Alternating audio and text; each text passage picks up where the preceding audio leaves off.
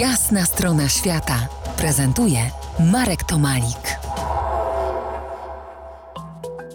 Dzień dobry, Mateuszu. Kłaniam się, dzień dobry. Po jasnej stronie świata Mateusz Marczewski, reporter, który bada naukowo wiedzę ciała. Właśnie szykujesz się do obrony doktoratu w tym temacie.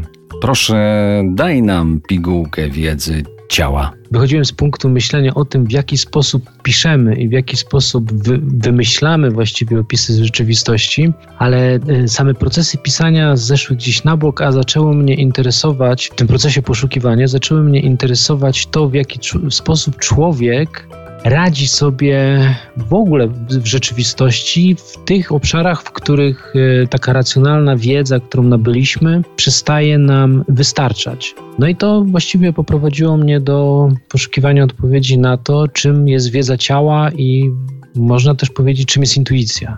Przejdźmy teraz do meritum naszego dzisiejszego spotkania, które wypełnią rozmowy o tak zwanych kulturach rdzennych. Powiedz, gdzie jako reporter miałeś możliwość obserwacji w temacie kultur rdzennych? Właściwie cała historia z e, naszymi ojcami, matkami, bo tak często ich nazywam, zaczęła się w, w Australii, zresztą dobrze ci znanej.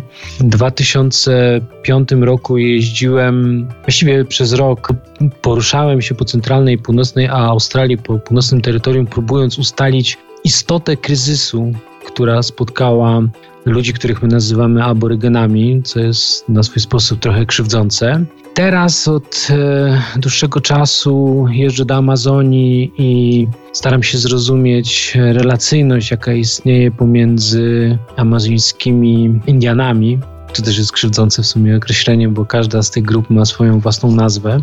Akurat ja jeżdżę do Shipibo. Przyglądając się temu, jak żyją Indianie i czym, czym jest ta rzeczywistość amazońska, zaczyna do mnie docierać, a właściwie zaczęło już do mnie wcześniej docierać to, jak bardzo skomplikowanym faktem jest, że kultura, którą my reprezentujemy, kultura piśmienna i kultura racjonalna, zerwała w gruncie rzeczy kontakt z tym, co jest e, zasadnicze, czyli z takim pogłębionym rozumieniem własnej cielesności, ale i też kontaktu, cielesnego kontaktu zmysłowego z otaczającym nas światem. W ostateczności znajdujemy się w gigantycznym y, kryzysie cywilizacyjnym. Brak tej relacyjności, świadomości relacji między nami a rzeczywistością, między nami a naturą w gruncie rzeczy, wyewoluował w formę no, potężnego kryzysu. Mocno wierzę, że to moje małe przypatrywanie się pozwoli mi zrozumieć, gdzie, w którym momencie została utracona na przykład, bo to jest jeden z e, punktów, które mnie bardzo interesują, prymarna więź z naturą.